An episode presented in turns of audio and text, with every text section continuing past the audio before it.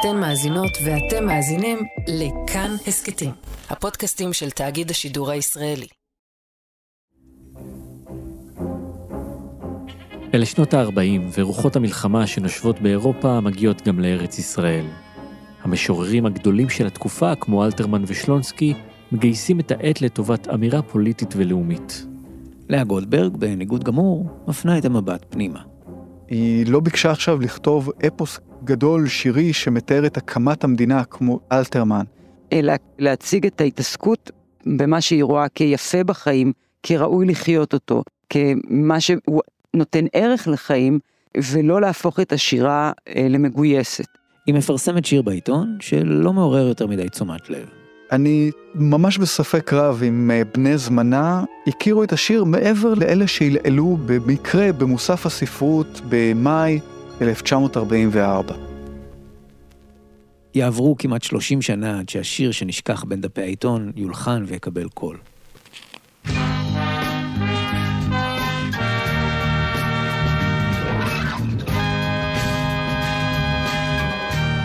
היי, אני ניר גורלי. ואני תומר מולביטזון.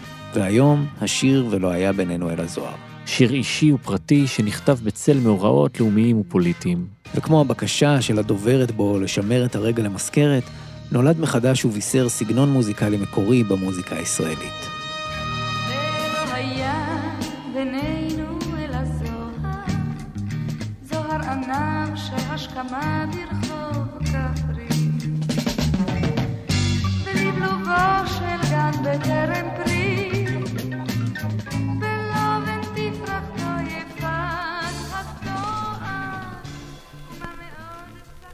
שלום לכן, כאן צילת עניין. שמעתם ולא היה בינינו אלא זוהר. דני ליטני, לאה גולדברג כתבו, עיבד נפלא, אלברט פיאמנטה.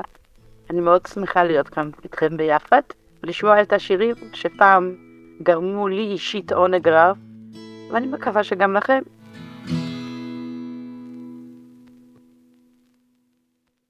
את הסיפור נפתח עם האישה שכתבה אותו. לאה גולדברג היא דמות מוכרת מאוד ביישוב העברי. זה גדעון טיקוצקי, פרופסור לספרות שחקר את יצירותיה ואת חייה של לאה גולדברג. היא גם מבקרת הצגות, לא פעם היא מסתכסכת בגלל זה עם עולם התיאטרון המקומי. היא ידועה הרבה מאוד גם בזכות הכתיבה שלה לילדים. ארבע שנים אה, קודם לכן רבקה גבילי מלחינה את פזמון להקינטון בט"ו בשבט אה, תש, 1940.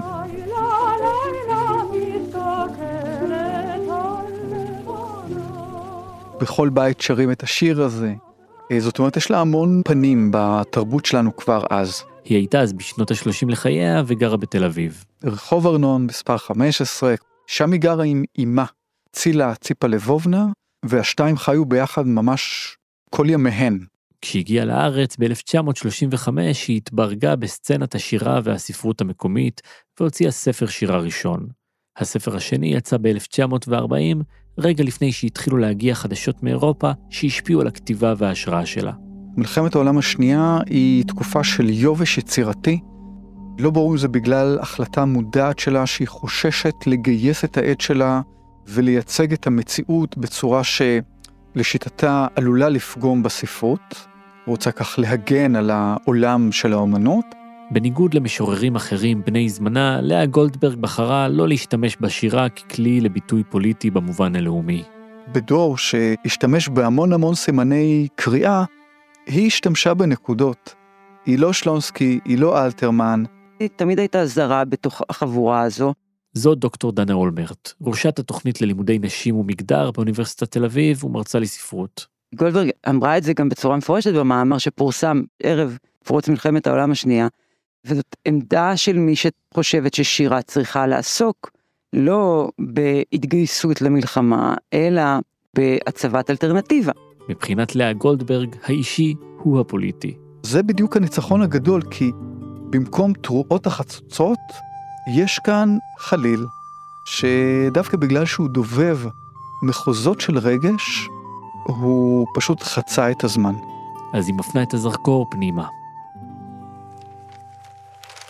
בשנת 1944 מתפרסם בעיתון משמר מחזור שירים פרי עטה בשם שירי אהבה, ובסוגריים, מספר עתיק. זה נשמע משהו גנרי לחלוטין, נכון?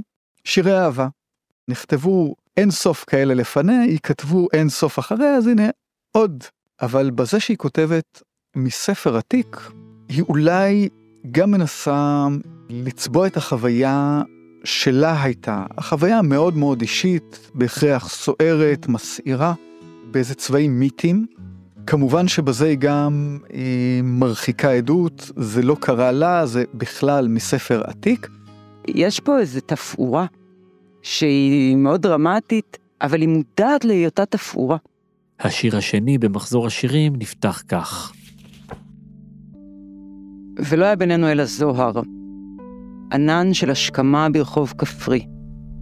זום אין עם המצלמה, אנחנו נוחתים אל רחוב כפרי, ורוב השיר הוא הסיטואציה הקטנה הזאת. לא צריך יותר מזה.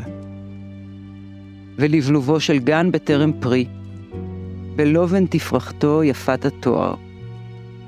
השיר הזה יכול באותה מידה לתאר רגע שהיה לה בקובנה, העיר שהיא גדלה בה, בליטא, ובאותה מידה הוא יכול היה להיקרא באיזה ערב בקיבוץ, וכל חברי הקיבוץ היו אומרים, בוודאי, זה נכתב ליד הרפת. הכל במשחק כפול שבו היא גם שומרת על הזהות האירופית שלה, ובזה לא נהנית לצו הגיוס הכללי שכל האומנים נדרשים לו, ומצד שני, היא גם לא חורגת מן השורה. השיר הזה מייצג היבט מסוים שהוא קיים ביצירה שלה. איזו היקסמות מהדבר שעוד לא התממש. אבל זה לא כל התמונה. ומה מאוד צחקת באומרי כי אל השחר הענוג כוורד, אקרא וכתפינו למזכרת ואשמרנו בין דפי ספרי. והעניין הזה שהיא תשמור אותו בין דפי הספר, זאת הכתיבה. לקטוף את הרגע הזה ולהנציח אותו. ואיך מנציחים אותו? כמו ששומרים פרח ומייבשים אותו, זה הופך אותו לאובייקט אסתטי שאפשר לשמור אותו. וזה מה שהרבה פעמים היא עושה, אני חושבת, עם האהבות שלה. היא משתמשת בהם כחומר גלם. את זרועך נשאת תזכור, והנידות את ענף תפוח, ועל ראשי ירד מטר צחור. מאחורי גבך הכפר נעור, החלונות נצטלצלו עם רוח, ולא היה בינינו אלא אור. יש התקרבות, יש מגע, היא מצחיקה אותו במה שהיא אומרת, הוא מוריד עליה גשם של פרחים, והאור עולה, ויחד איתו אולי גם ההתפכחות, כן, הזוהר, שזאת מילה טעונה, בכל זאת, זה לא סתם אור, זה זוהר. פתאום זה הופך להיות משהו מאוד כמעט טכני. זה האור. מאחורי השיר מסתתר כנראה סיפור אהבה, אבל אנחנו לא יודעים עליו הרבה. ובעיניי זה גם בדיוק היופי, זאת אומרת שהייתה האפיזודה הזאת, הבשר ודם, המילים הן שנשארו והן חזקות יותר מכל האנשים שחיו באותה תקופה.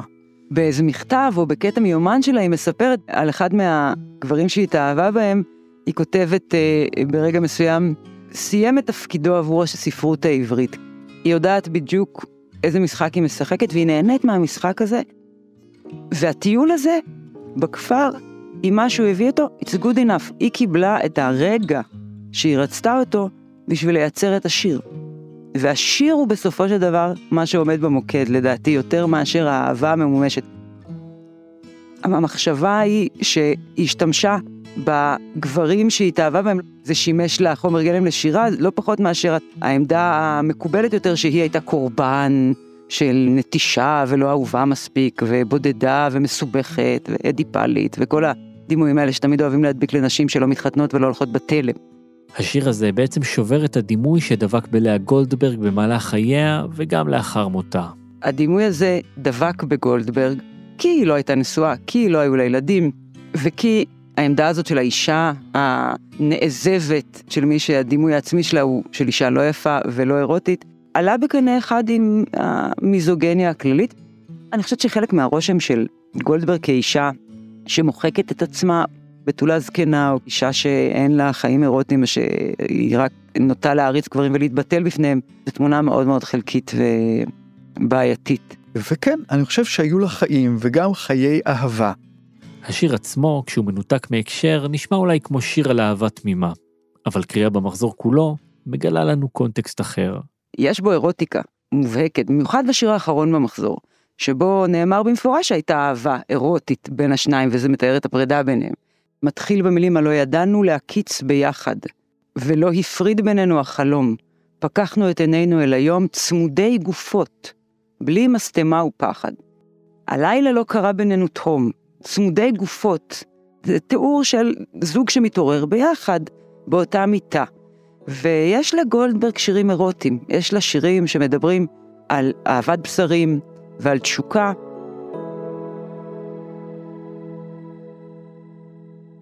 השיר שהתפרסם במקור ב-1944 לא ממש עורר תהודה. העובדה שלימים אנחנו שומעים את המילים האלה ולא היה בינינו אלא זוהר ומיד אנחנו אומרים נו בוודאי ללאה גולדברג זה תמרור עבורנו לקרוא את הדברים על רקע זמנם.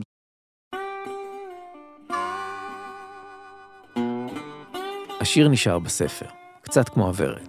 עד שיותר מחצי יובל אחר כך, מוזיקאי צעיר מחיפה מעלעל בספר שיריה ונתקל בשיר. תשמע, אני קראתי הרבה שירים משוררים, בגלל שחיפשתי מילים טובות, ובין היתר קראתי גם את לאה גולדברג, זה דני ליטני. והיא מאוד מצחה ממנה. אהבתי אותה, אהבתי את. מה שהיא כותבת. אז הוא לקח גיטרה והלחין ארבעה שירים מתוך הספר. ולא היה בינינו אלא זוהר, נחל שלי לתמונת אימא, יום בו יקום. דני ליטני נולד בחיפה ב-1943, שנה לפני שלאה גולדברג פרסמה את השיר. הוא בן למהגרים שאהבו מוזיקה. אבא שלי היה פולני, והוא קנה את המערכת הסטריאו הראשונה שהגיעה לחיפה, שרק יצרו את הסטריאו. הוא היה עושה מסיבות, היה מזמין את כל החברים שלו, והיה אומר לרעיינו, אתם רואים איך זמר שר מימין ופסנתר מנהל משמאל? אטרקציה, כן? בחיפה אגב קראו לי דני סטריאו, זה היה שם הכינוי שלי. והתקליטים שנשמעו הכי טוב בסטריאו של דני סטריאו, היו תקליטי בלוז שאבא שלו קנה לו. ואני פשוט גדלתי על התקליטים האלה. זה מגיל צעיר, אני שומע את השידורים האלה בראש, ואני התאהבתי בהם. אבל הרומן עם המוזיקה הזו נקטע לתקופה ארוכה. הוריו התגרשו, וליטני נשלח לגור בפנימיות בקיבוצים, שם החליף את הסטריאו והבלוז במונו ושירי ארץ ישראל. באוהל תשב או תשכב בעמדה אם ת... וכשהתחלתי לכתוב, אז לא היה בלוזים, זה היה שירים יותר ארץ ישראלים, קיבוץ. אחרי שנות התיכון, ליטני לא עשה את המסלול הקבוע של מי שחלם להפוך למוזיקאי. הציעו לי ללכת ללהקה צבאית, והלכתי להיבחן, ובאמצע הבחינה, אני זוכר, אמרתי, אני רוצה להיות קרבי. הוא ויתר על להקה צבאית לטובת התותחנים. ששם כנראה התחלתי לדפוק את השמיעה שלי, כי אז האקדמיה לעברית עדיין לא המציאה את המילה תמים. להקה צבאית זה נראה לנו אז ג'ובניקים. אחת הג'ובניקיות האלו בלהקה הצבאית הייתה צילה דגן, אז עוד צילה קויבסקי. נולדתי ב-1946 בג'ירג'וניוב שבפולין. יש מקום כזה. עליתי ארצה בגיל עשר וחצי. מאז שהיא זכרה את עצמה, הייתה שרה, זה הבן שלה, המוזיקאי גיא דגן. שומעת מוזיקה ברדיו ושרה, הולכת לפסנתר שאסור היה לגעת בו, למרות שהביאו אותו במיוחד. ואז כשאימא הייתה עושה כלים, הייתה אומרת, תגבירי את הרדיו, יש מוזיקה יפה של פסנתר. אז היא צחקה, מה, מה פתאום, זאת אני מנגנת. ואז הבינו שהילדה מוכשרת, זמיר שיש לו רק בעיה אחת, מבטא פולני. גם ברדיו הישראלי זיהו את הפוטנציאל, ובנעוריה צילה הוזמנה להשתתף בתוכנית תשואות ראשונות. תוכנית לגילוי כישרונות צעירים שאפשרה לזמרים אלמוניים להופיע בשידור חי בפני קהל, בליווי תזמורת ועיבודים מקצועיים. אני קורא לבמה את חנה ואת צילה מבאר שבע. Pije Kuba do Jakuba, Jakub do Michała. Pijesz ty, pije ja, kompania cała. בעקבות החשיפה היא התחילה לשיר באופן מקצועי ולהופיע במועדון הלילה חומות עכו, שם נחשפה למוזיקת ג'אז. וזה נחשב במשפחה כאילו כמשהו לא מכובד. אבא מאוד כעס, סבא שלי. אמא שלה עמדה על שתי רגליים אחוריות ואמרה, אין בעיה, אני אלווה אותה להופעות. תבין, מדובר במועדון לילה. הפרסום הקל והניסיון פתחו לצילה את הדלת ללהקה הצבאית. צוות הווי הנח"ל. שם היא מקליטה בין היתר את חורשת האקליפטוס, אחד משירי הלהקות הצבאיות הפופולריים ביותר. כשאימא יפה וצעירה שם למדתי איך שרים בעברית עם פחות מבטא ואיך רואים את נופי הארץ. ולמדתי מה זה לעבוד בקבוצה ובהרמוניה. שם היא גם פוגשת את בעלה לעתיד, עזרא דגן. כל יום שואה אתם רואים אותו ברשימת שינדלר. מעבר לזה פנטומימאי, שחקן, ליצן מקצועי, אולי אחד האנשים הכי מצחיקים שפגשתי. הוא היה אז בלהקת uh, גסות השריון. הייתה תקופת הזוהר של הלהקות. זה סדר גודל של היכל התרבות, ממלאים אותו בלי סוף. זה עזרא דגן. צילה קויבסקי והוא נפגשו שם מאחורי הקלעים. צילה הייתה קודם כל אישה עם הרבה הומור, אהבה מאוד לצחוק. שחקנית מאין כמוה, היית משתגע מצחוק רק מהצחוק שלה. והיה עוד משהו שאפיין אותה. אהבה מאוד לקרוא. אני עוד הייתי מחליף לה ספרים בספרייה הפולנית ברחוב אלנבי. היה חשוב לה מאוד uh, הטקסט, לפני המנגינה, לפני המוסיקה. הקפדה על טקסט כמו שצריך, שכתב אותו איש מקצוע, זה א' ב' של המקצוע. לאחר השירות הצבאי, צילה ועזרא מתחתנים, וצילה קויבסקי הפכה לצילה דגן. היא הצטרפה ללהקת פיקוד דיזינגוף עם יהודה ברקן וסאסי קשת. הם זכו להצלחה, אך במהרה כל חברי הלהקה רצו לצאת לדרך עצמאית. בשלב הזה, דני ליטני היה כבר כוכב עולה בעצמו. אחרי הצבא הוא הפך לשחקן ומוזיקאי. הוא חתם על חוזה תקליטים וכתב והלחין עבור אחרים. ציפ ציפ מעל הרציף למשל, היה שלאגר אדיר. ויש היום הרבה מאוד שירים שלי, אם להיות כנה, שאני לא כל כך סובל אותם. דני סירב ליישר קו עם המוזיקה ששלטה אז במיינסטרים הישראלי. סינגל הבכורה שלו, שלושה מתוך שלושה מיליונים, הדהד את תקליטי הבלוז שהוא שמע בסטריאו בילדות. אני כל כך רעב, עד אשר. ולהשפעות האלו חדרו גם צלילים חדשים. השנה הייתה 1970, הרוק והסול פרחו בארצות הברית ובריטניה, וזמרות כמו אריתה פרנקלין פרצו לתודעה גם בישראל. אריתה פרנקלין הייתה המלכה שלי. פשוט הייתי מתפוצץ עליה, איזה זמרת. ליטני התאהב ורצה ליצור מוזיקת סול ישראלית. יום אחד הוא פתח רדיו. חלפו האביבים,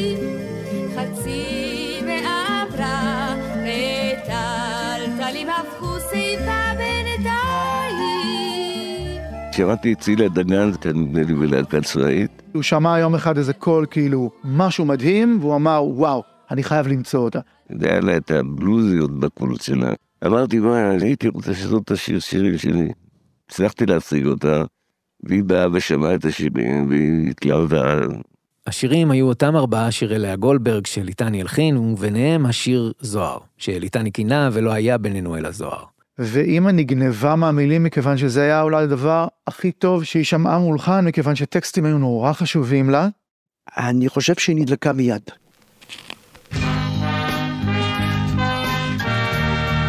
ב-1970 צילה דגן נכנסה לאולפן, ופתאום המילים של לאה גולדברג קיבלו קול.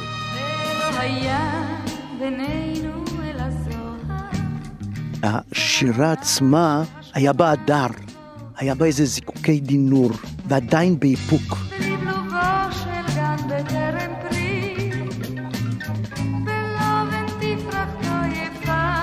התואר. הסוד הוא באיפוק. אבל יחד עם זה הרגשת משהו שיש שם ניצוצות, משהו שתמיד שמר על סוד, וזה היה הכוח שלה.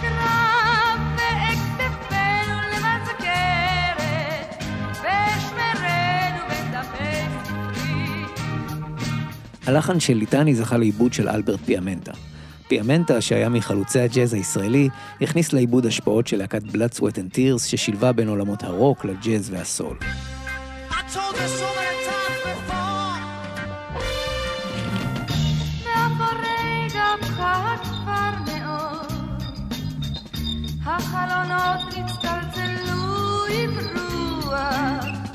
זה משהו שהוא מפגש התרבויות, והלחן תפס איזה משהו נורא נכון בטקסט. יש שם סקסיות בקצב, יש שם המון רומנטיקה, איזה משהו מאוד נערי וצעיר, ובוהק ובהיר מאוד. כעיבודים הם היו נורא גרנדיוזיים, גם לתקופה ההיא, בטח לשירי אה, פופ. משהו מאוד מאוד rock and roll י ומאוד מאוד soulful ושחור. הוא בעצם צובע את זה בפעם הראשונה בצבעים של בלוז.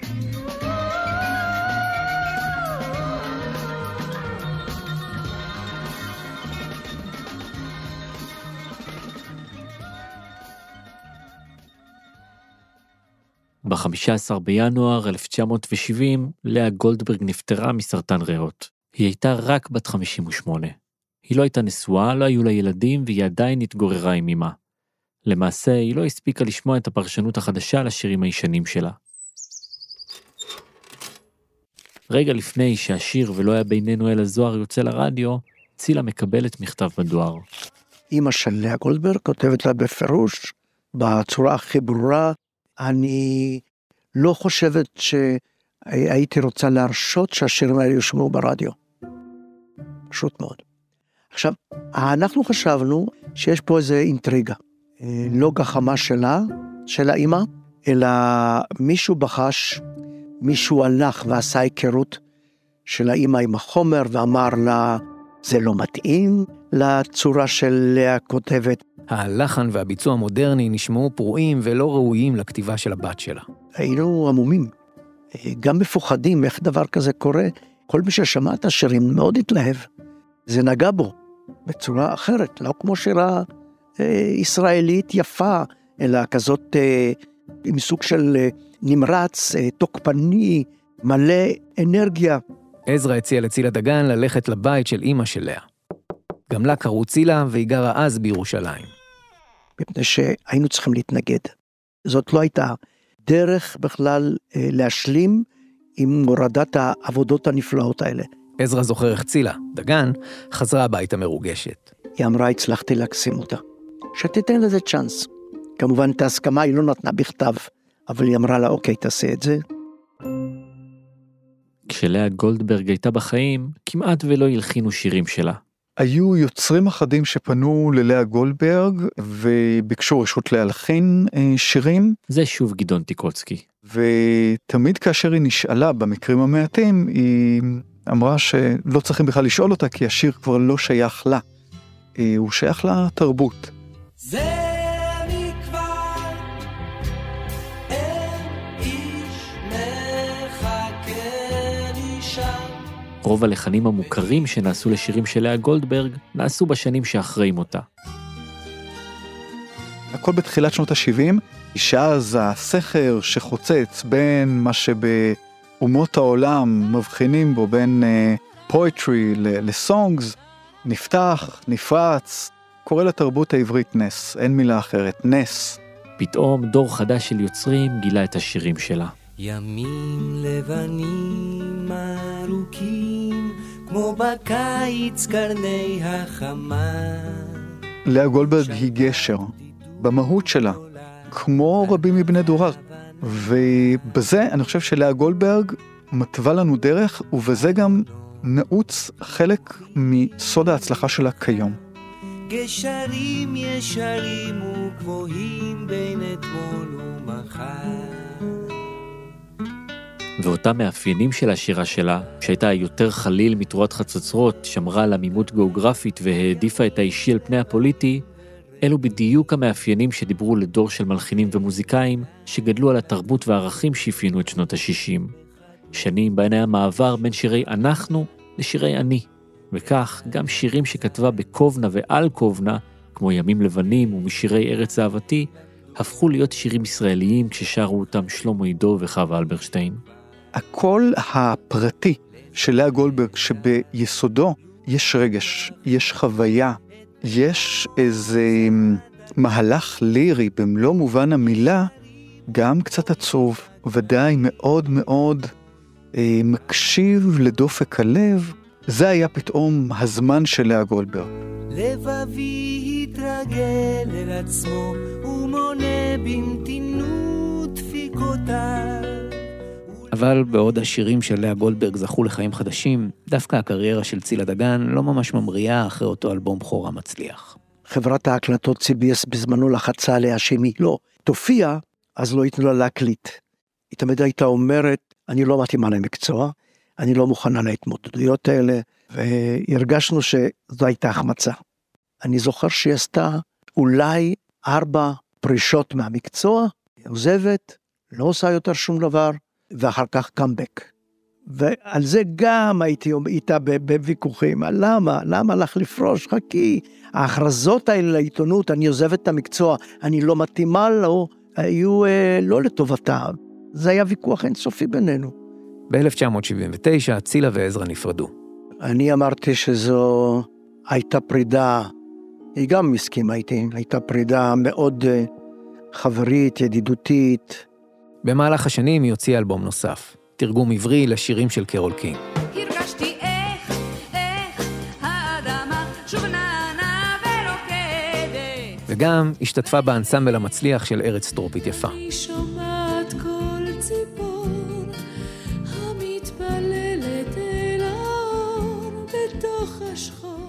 אבל כן היו לה עוד כמה שירים שנכנסו לקנון הישראלי. ביניהם וידוי של אלכסנדר פן וסשה ארגוב, והביצוע שלה לשיר פונר, שנכתב בגטו וילנה ב-1943. הייתה צוחקת על עצמה שהיא לאחרונה נחשבת לזמרת השואה והגבורה. התחילו להזמין אותה רק לימי הזיכרון לשואה וימי זיכרון לחללי צה"ל, אלה ההופעות הפופולריות שלה. היא נפטרה ב-18 באפריל 2004, ביום השואה.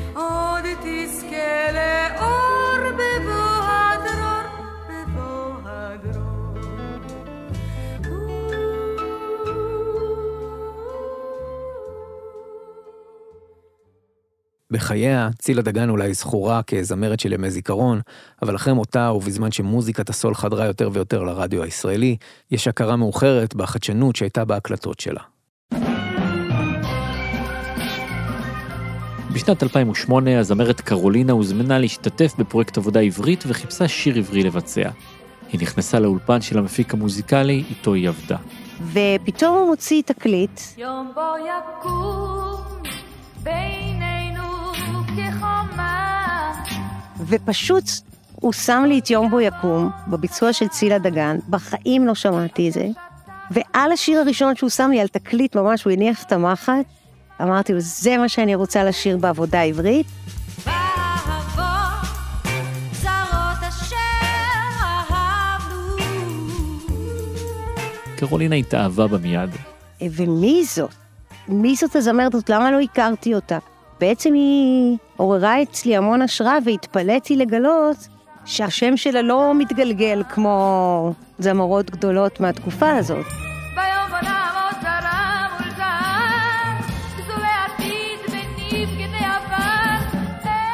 יש בה המון צניעות בהגשה שלה, משהו כזה נונשלנט שאומר, יש לי קול ואני אשיר עכשיו את מה שכנראה אני אתחבר אליו, ואתם תשמעו את זה בלי פתוס, בלי שום אה, דרמה. יש בה איזה ארץ ישראליות בקול שלה מאוד יפה. היא מהית כזו, אני לא יודע, משהו חם נורא, רגוע. צילה היא כזאת, נשמה טובה. כשהקליטה את האלבום השני שלה, שאגב נקרא זוהר, היא לא יכלה שלא לבצע גם את השיר "ולא היה בינינו אלא זוהר". גם איכשהו דמיינתי אותו טיפה יווני או טורקי, רציתי להוסיף לו את המימד הזה שאפיין את כל האלבום זוהר. ולא היה בינינו אלא זוהר. והיא עשתה לו עוד משהו. היא הוסיפה עוד בית שלא היה בביצוע המקורי של צילה. את השיר הראשון מתוך מחזור השירים המקורי של לאה גולדברג. אה, אפילו בחלום לראיתיך, מאז נפרדנו הלילות יורדים, על תנומתי כעננים כבדים, מחנק ואלם לא עוד ביקשתיך, דמי יבש ברוח הקדים, ליבי שפל מאוד והאיילת, לא עוד תרעיף בבוקר פז ותכלת, אור דבש על עפפיי החרדים.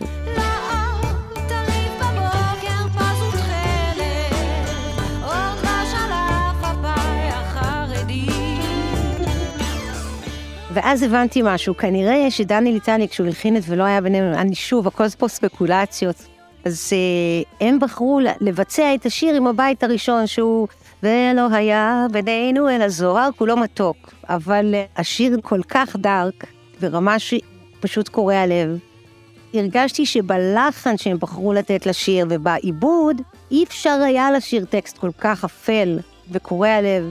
ואני החלטתי שאני אקח את אחד הבתים היו עוד בתים כמובן, אבל בחרתי את הבית דווקא אחד האפלים שבשיר, כדי לתת קונטרה קצת למתיקות שקורית. רציתי עוד אמוציות. אם כבר בתוך מוזיקה, אני מעדיפה שיהיו צמרמורות. אם יש עוד מימד לשיר, אז אולי כדאי להביא אותו. המילים בשיר, על אף שנכתבו ב-1944, נשארו על זמניות. לאה גולדברג הייתה אישה שחיה נגד הזרם, דבר שהתבטא בשירה שלה והעשיר אותה. לא סתם השיר קיבל חיים מחודשים גם ב-1970 וגם ב-2012. והמילים שלו רלוונטיות גם היום. היה בה משהו מלנכולי, שהתענג גם על הדבר הזה הבלתי מושג, הזה שלא יכול להיות, שהוא קיים בדמיון יותר מאשר אה, בממשות. זה בדיוק הגולדברגיות, זאת אומרת, מצד אחד להיות לגמרי בדימוי שלנו, האוהבת, המיוסרת, האהבה נכזבת, דמות יגונים וכן הלאה, ומצד שני, בעצם זה שהיא מסוגלת להסתכל על עצמה מאחורי הכתף של עצמה, זהו, היא ניצחה. היא כבר מבינה בדיוק את המנגנון הזה, שברגע שהיא מבינה אותו, הוא לא יכול להיות מנגנון מרטירי, הוא לא יכול להיות מנגנון קורבני, כי היא שולטת.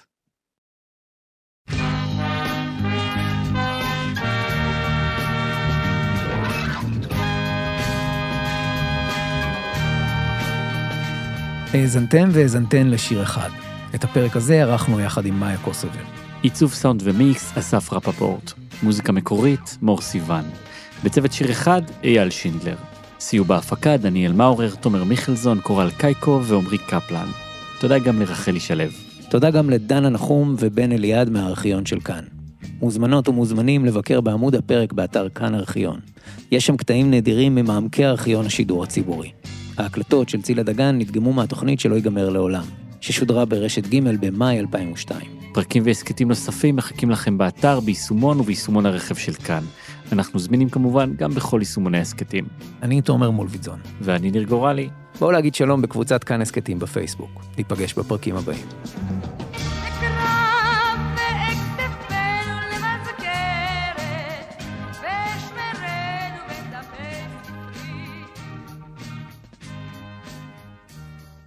אז בזאת אני נפרדת מכם, וניפגש בשמחות. כאן צילה דגן.